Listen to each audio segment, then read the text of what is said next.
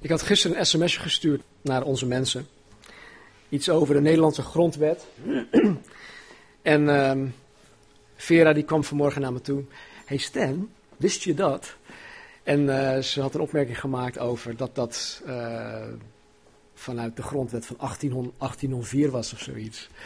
Maar goed, dit staat nog steeds in de, de beginselen en bepalingen van de Nederlandse grondwet. En het, eigenlijk wat daar staat, of het allereerste dat er staat, is het geluk van allen is de hoogste wet.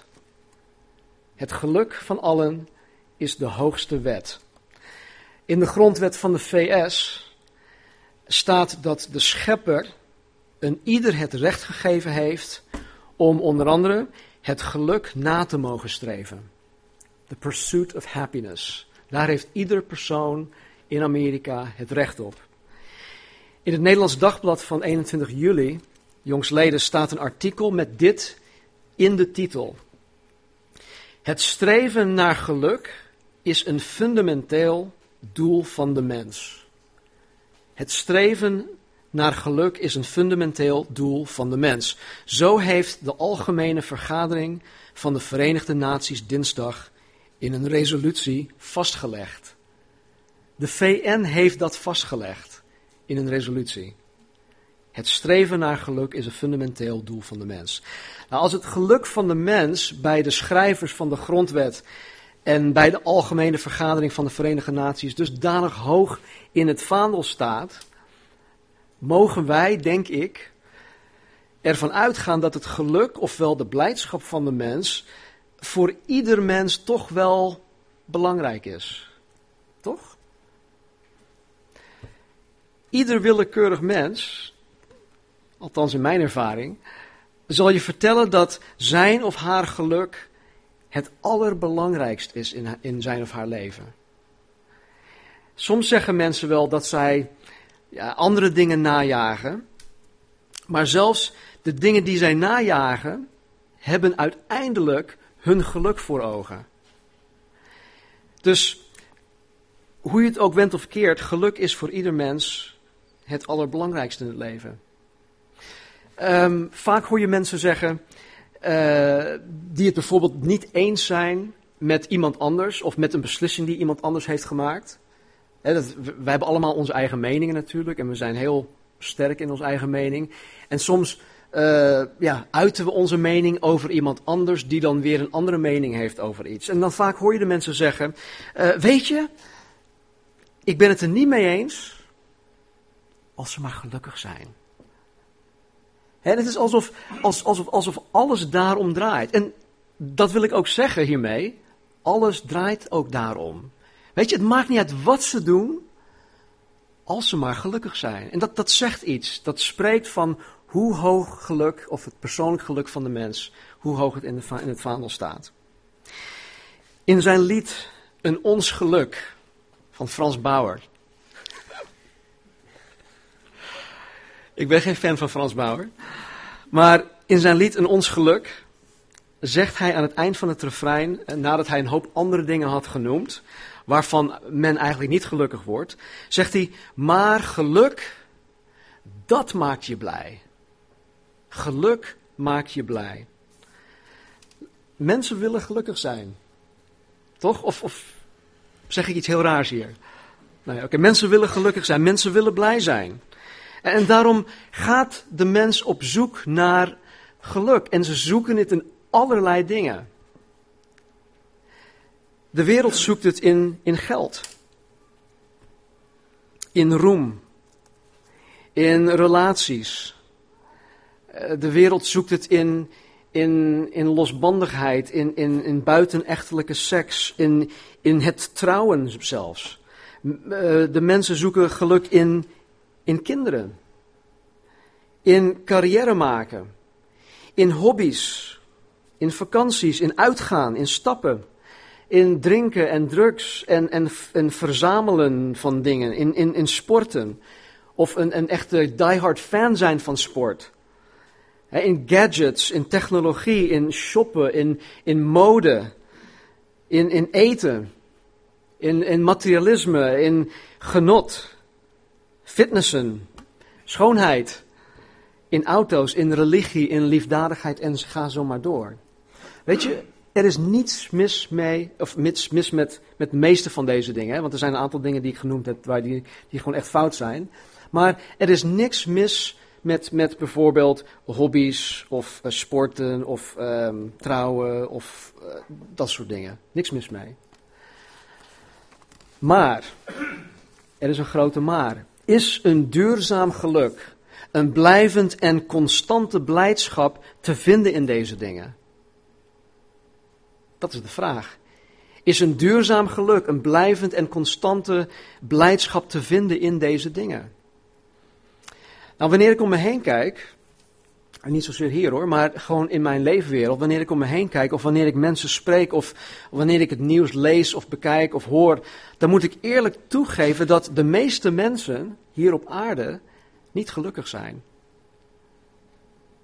En ja, ik wil geen, uh, ja, hoe zeg je dat, zo'n doomsday-denker zijn, of doemdenker. Maar het merendeel van de mensen hier op aarde zijn niet gelukkig. En dit, ondanks dat de hele maatschappij al als gekken het geluk en blijdschap najagen. Ik heb ontdekt dat er veel dingen zijn die de mens een, een, een tijdelijke vorm van geluk kunnen brengen. Maar hoe dan ook, deze dingen zijn en blijven van tijdelijke aard. En het geluk die, zijn, die, uh, die, zij, die deze dingen brengen, zijn afhankelijk dat is heel belangrijk, die zijn afhankelijk van de omstandigheden. De geluk die deze dingen die ik net heb genoemd, het geluk die deze dingen brengen, zijn afhankelijk van de omstandigheden. Neem even een, een, bijvoorbeeld een, een, een vrouw of een man, maakt niet uit. Die is bijvoorbeeld niet gelukkig in de keuze van zijn of haar carrière. Als je niet blij bent met je baan, dan ben je gewoon niet blij. Want je spendeert 8, 9 of 10 uur per dag van je leven, een derde van je leven, op je werk. Of je bent een derde van je leven met je werk bezig. En als je daar niet blij mee bent, dan ben je gewoon een ongelukkig mens. Ik ken genoeg van die soort, dat soort mensen. Ik heb zelf ook meegemaakt. Deze persoon die dus een, een, een, een verkeerde carrièrekeuze heeft gemaakt, die heeft op een gegeven moment veel moeite met problemen die zich voordoen in haar of zijn specifieke uh, functie of in haar of zijn of haar branche. En vervolgens maakt, maakt ze het besluit om iets anders te gaan doen. En op het moment dat zij haar nieuwe baan start, is ze in het begin gewoon dolgelukkig. Ze is heel blij. Want het, het, biedt haar een nieuwe omgeving aan. Het biedt haar een nieuwe uh, een nieuwe start, nieuwe collega's, nieuwe uitdagingen. Maar vervolgens komt ze tot de ontdekking dat ze ook in deze nieuwe baan met dezelfde soort problemen te maken krijgt, die haar in haar vorige baan zwaar ongelukkig maakten. Precies dezelfde dingen. En het gevolg is, is dat zij wederom ongelukkig is geworden en weer op zoek gaat naar iets anders. Nou, dit is slechts één voorbeeld, en misschien herkennen jullie dit helemaal niet, dat kan ook, maar dit is slechts één voorbeeld van miljoenen voorbeelden die er zijn. En wat deze en, en eigenlijk alle andere voorbeelden gemeen hebben, is dat het geluk puur afhankelijk is van de omstandigheden. Als alles naar haar zin is, dan is zij gelukkig. Maar als dingen anders gaan dan zij verwacht had, of als dingen anders gaan dan dat zij wil, dan is zij ongelukkig. Dus de Nederlandse grondwet kan wel zeggen: het geluk van allen is de hoogste wet. Maar waar het uiteindelijk op neerkomt, is dat geen enkel menselijk overheid of menselijke uh, instantie ervoor kan zorgen dat de mens blijvend en constant gelukkig en blij kan zijn. Hoeveel geluk hebben wij als wij onze hoop stellen op onze overheid? Of de Amerikanen met hun overheid? Of Libië of Egypte of noem maar elk land hier op aarde. De overheid is niet in staat om ons blijvend en constant gelukkig en blij te maken. Weet je, in het Bijbelboek Prediker zegt de schrijver tot meerdere malen toe: het is een en al vluchtigheid of ijdelheid. Alles is even vluchtig. Nou, wat leert de Bijbel ons over ons geluk? want ik, een beetje somber dit verhaal. Maar wat leert de Bijbel ons nou over geluk? Over blijdschap, over vreugde? Ik geloof dat God ons vanmorgen iets hierover wil laten zien. En ik geloof dat, dat wij vanmorgen slechts ehm, een tipje van de sluier zullen oplichten. Want er zit zoveel meer in. En ik wil je vanmorgen vragen om je harten te openen. Open te stellen voor de boodschap van vanmorgen. Want ik geloof dat als je dit gaat snappen, als je dit je eigen kan maken, dan gaat je hele leven veranderen. Hoe je het leven ziet, hoe je in het leven staat, het zal gaan veranderen. Positief veranderen. Nou, de schrijver van het Evangelie van Matthäus presenteert Jezus Christus als de lang verwachte Messias. Als de koning der koningen, als de koning der Joden, koning van Israël. En we hebben tot nu toe gezien, uh, eigenlijk in alle vier hoofdstukken die we tot nu toe hebben behandeld, um, hebben, we, hebben gezien dat, dat, dat Matthäus hem presenteert als de koning. Mocht je dat gemist hebben, alle studies staan uh, op onze website, die kan je alsnog beluisteren of downloaden. In hoofdstuk 3 zien wij dat Jezus bekroond wordt als de koning, door middel van zijn waterdoop, door middel van de doop met de, met de Heilige Geest. In hoofdstuk 4 wordt Jezus beproefd en door deze beproeving bewijst Jezus dat hij inderdaad de koning is. En vervolgens start Jezus in zijn uh, publieke bediening. En het eerste dat hij zegt in Matthäus 4, vers 17 is dit. Hij zegt: Bekeer u. Bekeer u, want het koninkrijk der hemelen is nabijgekomen. De eerste woorden uit Jezus' mond in zijn bediening. Jezus roept de mensen op om zich te bekeren, om zich te bereiden, om zich voor te bereiden op het koninkrijk van God, die eraan zit te komen. Nou, over bekering hebben we het in de studies van hoofdstuk 3 gehad. En we hebben ja, een beetje gelezen over het koninkrijk van God. Daar gaan we het vanmorgen dus niet over hebben. Waar we wel naar gaan kijken is wat Jezus' bedoeling is met wat hij ons in Matthäus 5 tot en met 7 wil leren. 5 tot en met 7. Nou, dit schriftgedeelte staat bekend als de bergreden. Is dat een bekende term voor jullie? De bergreden? Nou, deze bergreden is gegeven om zijn volgelingen, dus alle wedergeboren christenen, te leren hoe te leven in Gods koninkrijk. Jezus geeft ons instructies hoe wij horen te leven in Gods koninkrijk. En we kunnen de bergreden zien als voorschriften van het leven en welzijn van een kind van God. Waar de wet van Mozes in het Oud Testament uh, van kracht was, kun je de inhoud van de bergreden zien als de wet van Jezus voor het Nieuw Testament. Er is natuurlijk veel meer dan dat, maar dit zijn echt de, de, ja, ik wil niet zeggen de grondwet van het Nieuw Testament, maar er staat heel veel in over hoe wij ons horen te gedragen, hoe wij horen te leven, enzovoort, enzovoort. En het leert ons hoe wij als wedergeboren christenen, en dit is het allerbelangrijkste denk ik, blijvend en constante geluk, blijdschap en vreugde te kunnen krijgen. Het leert ons hoe dit te kunnen krijgen.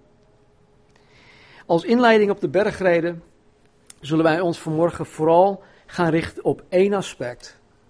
Eén aspect van um, de bergreden en dat is vreugde. Vreugde. En als ik het over vreugde heb, dan heb ik het over bijbelse vreugde. En daar zal ik zo meteen uh, iets, iets meer over zeggen. Dus bijbelse vreugde. De bijbelse vreugde waar ik het ja, over ga hebben vanmorgen is vreugde. Het is blijdschap. Het is geluk. Het is eigenlijk alle drie in één.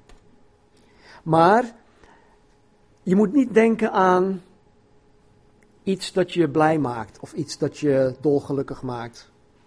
En want op één moment kan ik dol, dolgelukkig zijn omdat ik, uh, ik noem maar wat, ik heb een, uh, ik heb een nieuwe auto. Heb ik niet hoor, maar ik heb een nieuwe auto. Vervolgens ga ik naar de supermarkt toe, naar de Albert Heijn. En, er komt, en ik kom terug naar de auto. Ik heb mijn boodschappen gedaan. Ik sjouw mijn tassen naar de, naar de auto toe. En ik zie ineens dat de persoon naast me, die inmiddels weggereden is, zo'n deuk in mijn, in mijn deur hebt gemaakt. Ik ben niet blij. dus dingen die mij blij maken, dat, dat zijn toch dingen die afhankelijk zijn van de omstandigheden. Ene moment ben ik blij, ander moment ben ik niet blij. Vreugde gaat veel verder dan dat. Vreugde gaat veel dieper dan dat. Het is onafhankelijk van uh, de omstandigheden. Um, even kijken.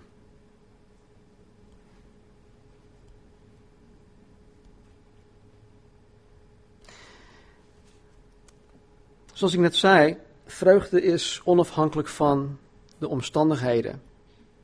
Even, om even terug te gaan naar het voorbeeld van die vrouw met die baan. En met deze bijbelse vreugde kan diezelfde vrouw, die zelfs een verkeerde carrièrekeuze gemaakt heeft, nog steeds gelukkig zijn. Al heeft ze zeg maar een, een verkeerde keuze gemaakt, kan die vrouw nog steeds gelukkig zijn. Haar vreugde is dus niet afhankelijk van haar baan. Romeinen 14, 17 zegt dit. Het koninkrijk van God bestaat uit gerechtigheid en vrede en blijdschap in de Heilige Geest. Het koninkrijk van God bestaat uit blijdschap in de Heilige Geest. Hier staat dus dat in Gods koninkrijk gerechtigheid, vrede en vreugde heerst. Het heerst daar. Het maakt deel uit van. En deze dingen zijn constant, deze dingen zijn blijvend. Ze zijn onafhankelijk van de omstandigheden. En wij, die in Jezus Christus geloven, wij zijn deelnemers van zijn koninkrijk. En wij, wij mogen genieten van deze dingen. Wij moeten deelnemen aan deze vreugde en wij mogen genieten van Gods vreugde. De, de Bijbel leert ons in dit vers dat het Gods wil is dat hij, dat hij het bedoeld heeft dat zijn kinderen, dat zijn wij, een blijvend en constante vreugde zullen hebben. Dit is voor ons. Dit is voor ons bestemd. Wij die tot zijn koninkrijk behoren. Nou, even iets anders. Of even als een soort van, uh, hoe noem je dat? Zijspoor. Het koninkrijk van God op dit moment is heel simpel gezegd het rijk waar God regeert. De Bijbel leert ons dat uh, toen Jezus kwam, het koninkrijk nabij was. Het was gekomen toen hij kwam. Het leert ons ook dat het koninkrijk er nu al is. Maar de Bijbel spreekt ook over een toekomstig koninkrijk van Jezus Christus. Waar we het nu over hebben, is het koninkrijk dat nu al bestaat. En waar Jezus Christus regeert, daar is zijn koninkrijk. Dus als God vanmorgen over jouw leven regeert, als Jezus Christus vanmorgen jouw koning, Heer en meester is, dan ben je vanmorgen in Gods koninkrijk.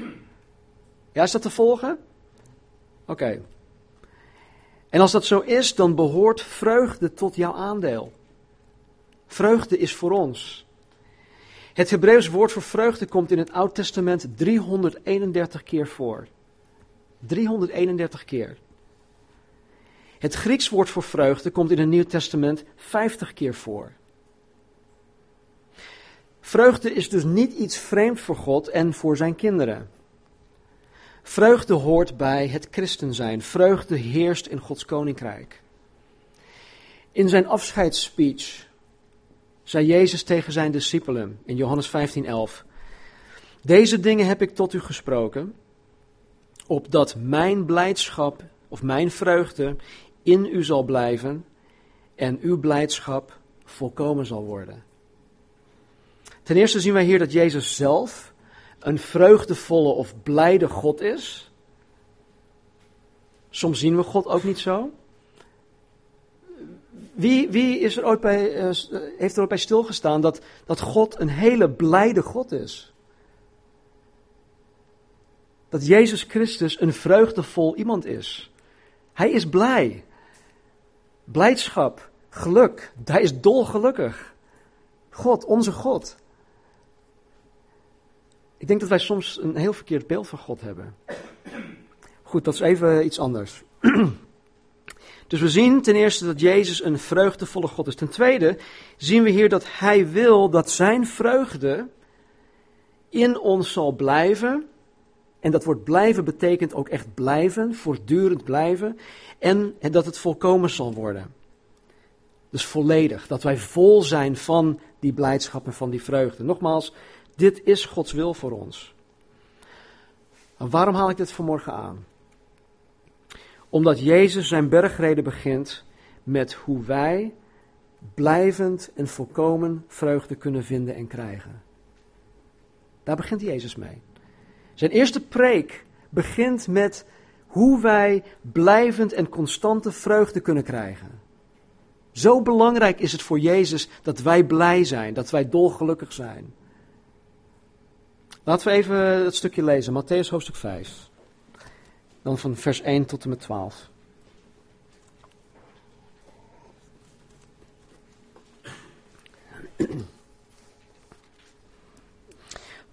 Toen Jezus de menigte zag, dat is de menigte van, van hoofdstuk 4, die hem dan volgde.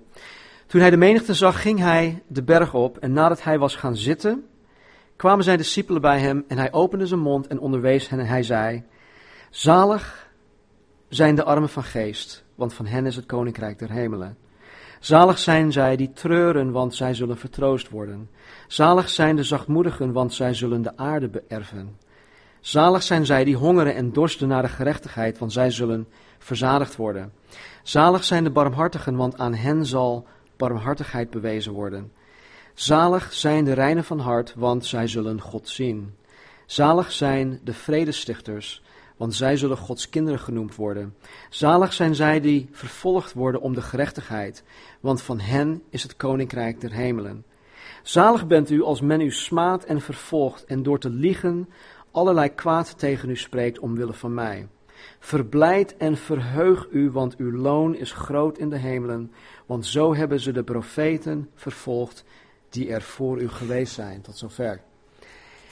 Dit eerste gedeelte van de bergreden heet de zaligsprekingen.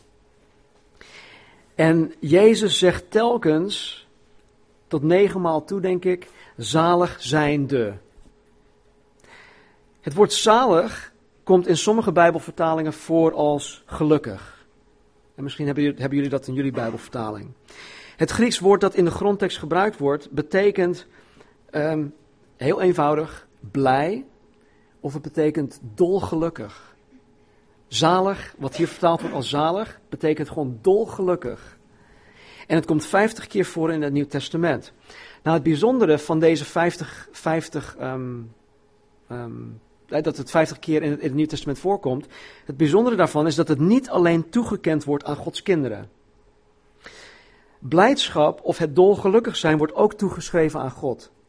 Ik had zo even nog gezegd, wisten jullie dat God blij is? Nou, in 1 Timotheus 1:11 legt de apostel Paulus uit hoe, hoe het evangelie aan hem door God toevertrouwd is.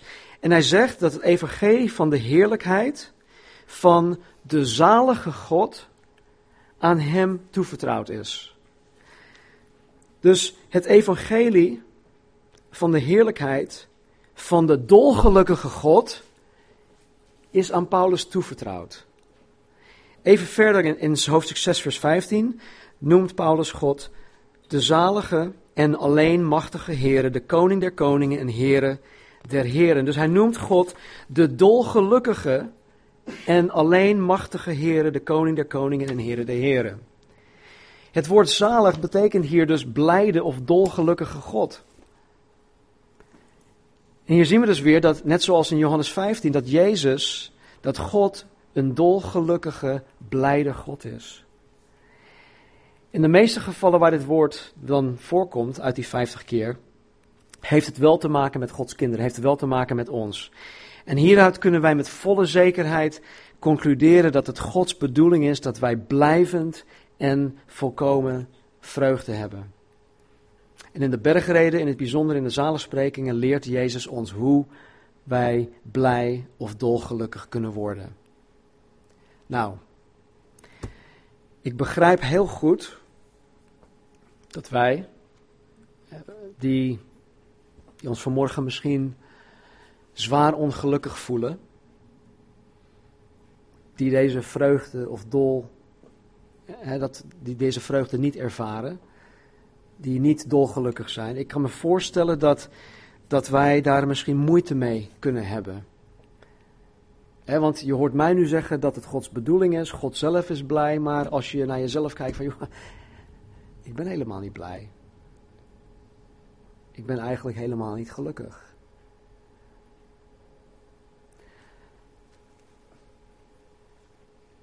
Hoe kan God nou van jou verwachten dat je dolgelukkig bent? Of dat je vreugde vindt in de omstandigheden waarin je momenteel verkeert. Maar misschien vraag je jezelf af, joh, weet God überhaupt wel waarmee wij te maken hebben? Of waarmee ik te maken heb? Weet God eigenlijk wel hoe moeilijk ik het heb? Is God wel bewust? of, of, is God net als zo'n, zo'n hoe, noem je dat, zo'n, uh, zo'n struisvogel die zijn hoofd in het zand doet en doet alsof alles goed is? Ik wil je verzekeren vanmorgen dat God van alles bewust is waarmee jij te maken hebt. Waarmee jij te maken krijgt en wat er momenteel in jouw leven gaande is. God weet als geen ander hoe ongelukkig je je momenteel misschien voelt. En hij wil vooral vanmorgen tot jouw hart spreken.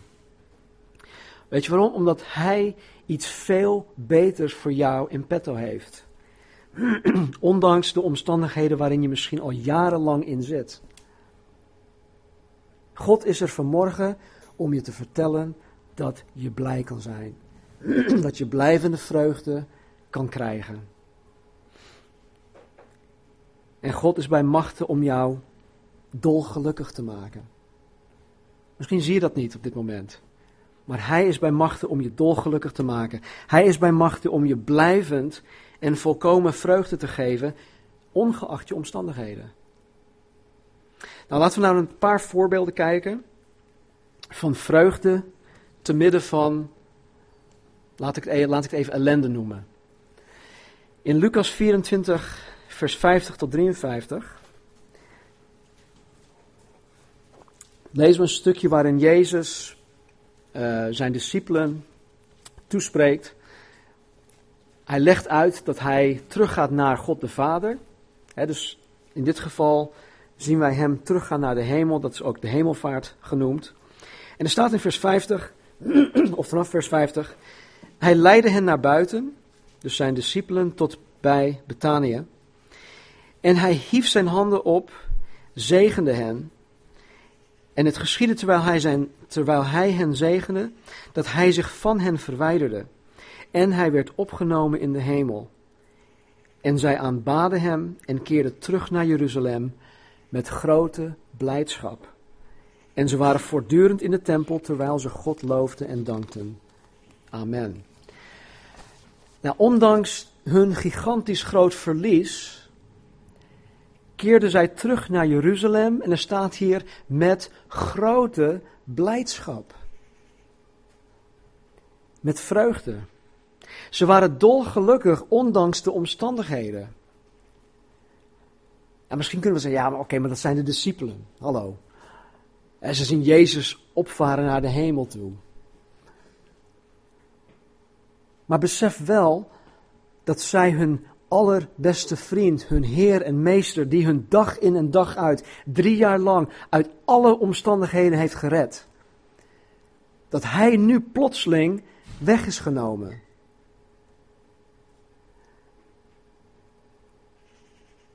Hij heeft macht getoond over de Satan. Hij heeft mensen genezen. Hij heeft blinden heeft hij het zicht gegeven. Verlamden heeft hij weer doen opstaan. Ze hebben alles met hem meegemaakt. Dag en nacht, drie jaar lang. En ineens is hij weg. Dus onderschat alsjeblieft niet hoe zij dat hebben ervaren. In Handelingen 13, vers 50, tot en 52. Paulus en Barnabas die zijn op een eerste zendingsreis. En ze zitten ergens in Antiochië, waar, uh, daar, waar ze daar een kerk hadden gesticht. Uh, iedereen is blij behalve de Joden. En er staat hier: de Joden stookten de godvrezende en aanzienlijke vrouwen en de voornaamsten van de stad op en ontketenden een vervolging tegen Paulus en Barnabas. En ze verdreven hen uit hun gebied. En de discipelen werden vervuld met blijdschap en met de Heilige Geest. Hier worden Paulus. Is het daar buiten spannender? Of, uh, ja?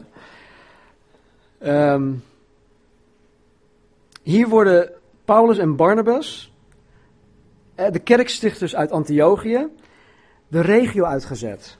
Ze mogen niet meer terugkomen. Maar de discipelen die zij gemaakt hebben in hun, tijdens hun missie van een aantal weken, werden vervuld met blijdschap. Nou, misschien is het een hele rare vraag, maar hoe blij zouden jullie worden als de Nederlandse overheid mij plotseling het land uit zouden zetten? Hoef je niet te beantwoorden ik ken jullie, ik denk niet dat jullie blij zouden zijn.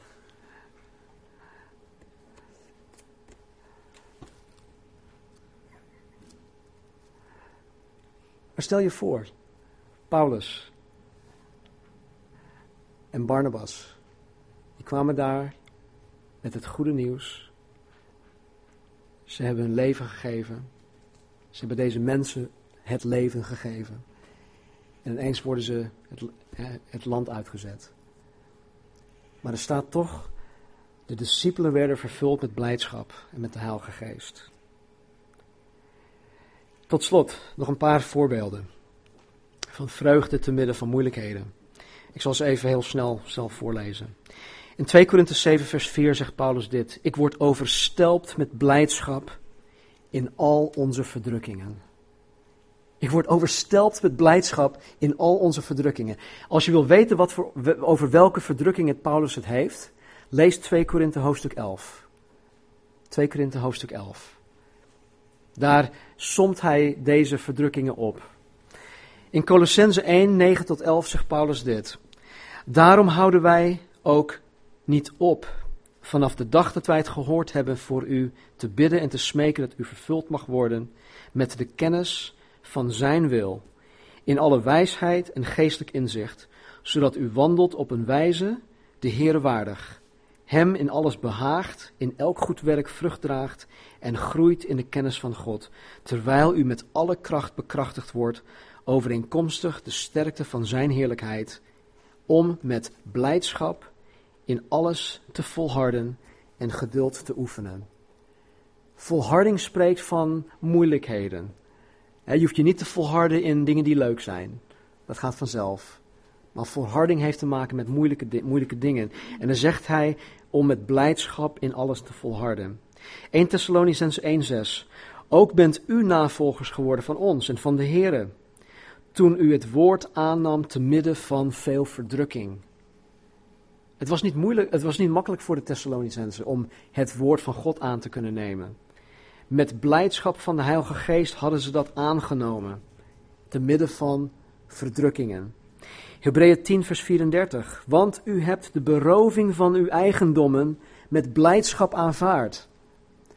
Is omwille van het evangelie hebben mensen zelfs de beroving van hun eigendommen met blijdschap aanvaard.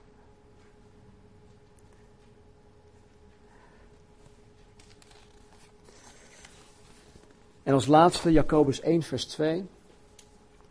Acht het enkel vreugde, mijn broeders, wanneer u in allerlei verzoekingen terechtkomt. Acht het enkel vreugde, dus alleen maar vreugde, alleen maar blijdschap. Wees dolgelukkig, mijn broeders, wanneer je in allerlei verzoekingen terechtkomt.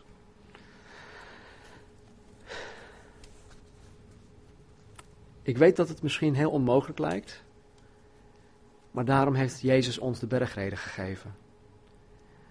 Als je dat nooit eerder echt bestudeerd hebt, dan is dat goed. Enerzijds, want dat gaan we vanaf dit moment doen. Anderzijds denk ik dat we onszelf tekort hebben gedaan. Ik zelf ook. Want ik wil vreugde hebben. Ik wil dolgelukkig zijn. En als, Gods, als dat Gods wil voor mijn leven is, dan wil ik weten hoe, dat, hoe ik dat voor elkaar kan krijgen. En begrijp me alsjeblieft niet verkeerd, het is geen welvaartsevangelie. Het zit niet in dingen, het zit niet in, in, in materialisme. Het zit zelfs in geen externe dingen. Jezus zal ons laten zien hoe wij die blijdschap kunnen krijgen. En het begint van binnen.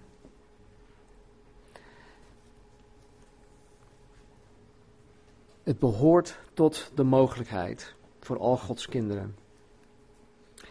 Nou, volgende week zullen we een start maken aan de zaligsprekingen. En daarna ben ik voor een aantal zondagen afwezig. Tijdens mijn afwezigheid zal worden afgeweken van Matthäus. Dus moeten jullie wachten totdat ik terug ben. Um, ja, dus jullie hebben dan, denk ik, vier weken de tijd om Matthäus 5 tot en met 7 zelf te lezen. En dat raad ik jullie ook aan. Lees Matthäus 5 tot en met 7. Het is zo verrijkend.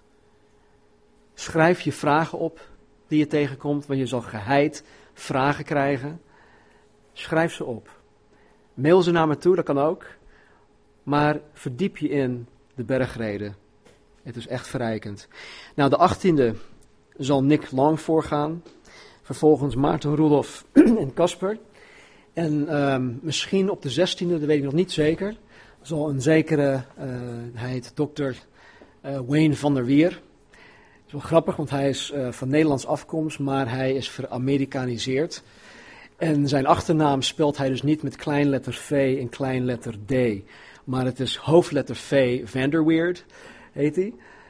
Maar hij is uh, iemand die uh, zich echt uh, verdiept in biblical counseling. En ik denk dat wij daar heel veel van kunnen leren. Dus ik probeer hem ook voor de 16e te regelen. Dat, dat hij de 16e ehm, voor zal gaan. Maar goed, voor dit moment, voor vanmorgen, de eerste stap naar een, een blijvend volkomen vreugde is om tot de Heer Jezus te komen. Daar begint alles. Dat is de eerste stap. En als je de Heer nog niet kent, als je je, Heer, als je je leven nog niet aan de Heer hebt gegeven, dan moet je daarmee beginnen. Als je inmiddels christen bent, je volgt Jezus na, maar je ervaart deze vreugde niet, je bent niet dolgelukkig in de omstandigheden waarin je nu verkeert, dan is die stap ook voor jou. Kom tot Jezus. Niet om gered te worden, maar gewoon om tot Hem te komen. En vanmorgen hebben wij de gelegenheid om het heilig avondmaal te vieren. dat gaan we ook doen. En ik zou zeggen, neem de gelegenheid, of maak gebruik van de gelegenheid. Kom zoals je bent.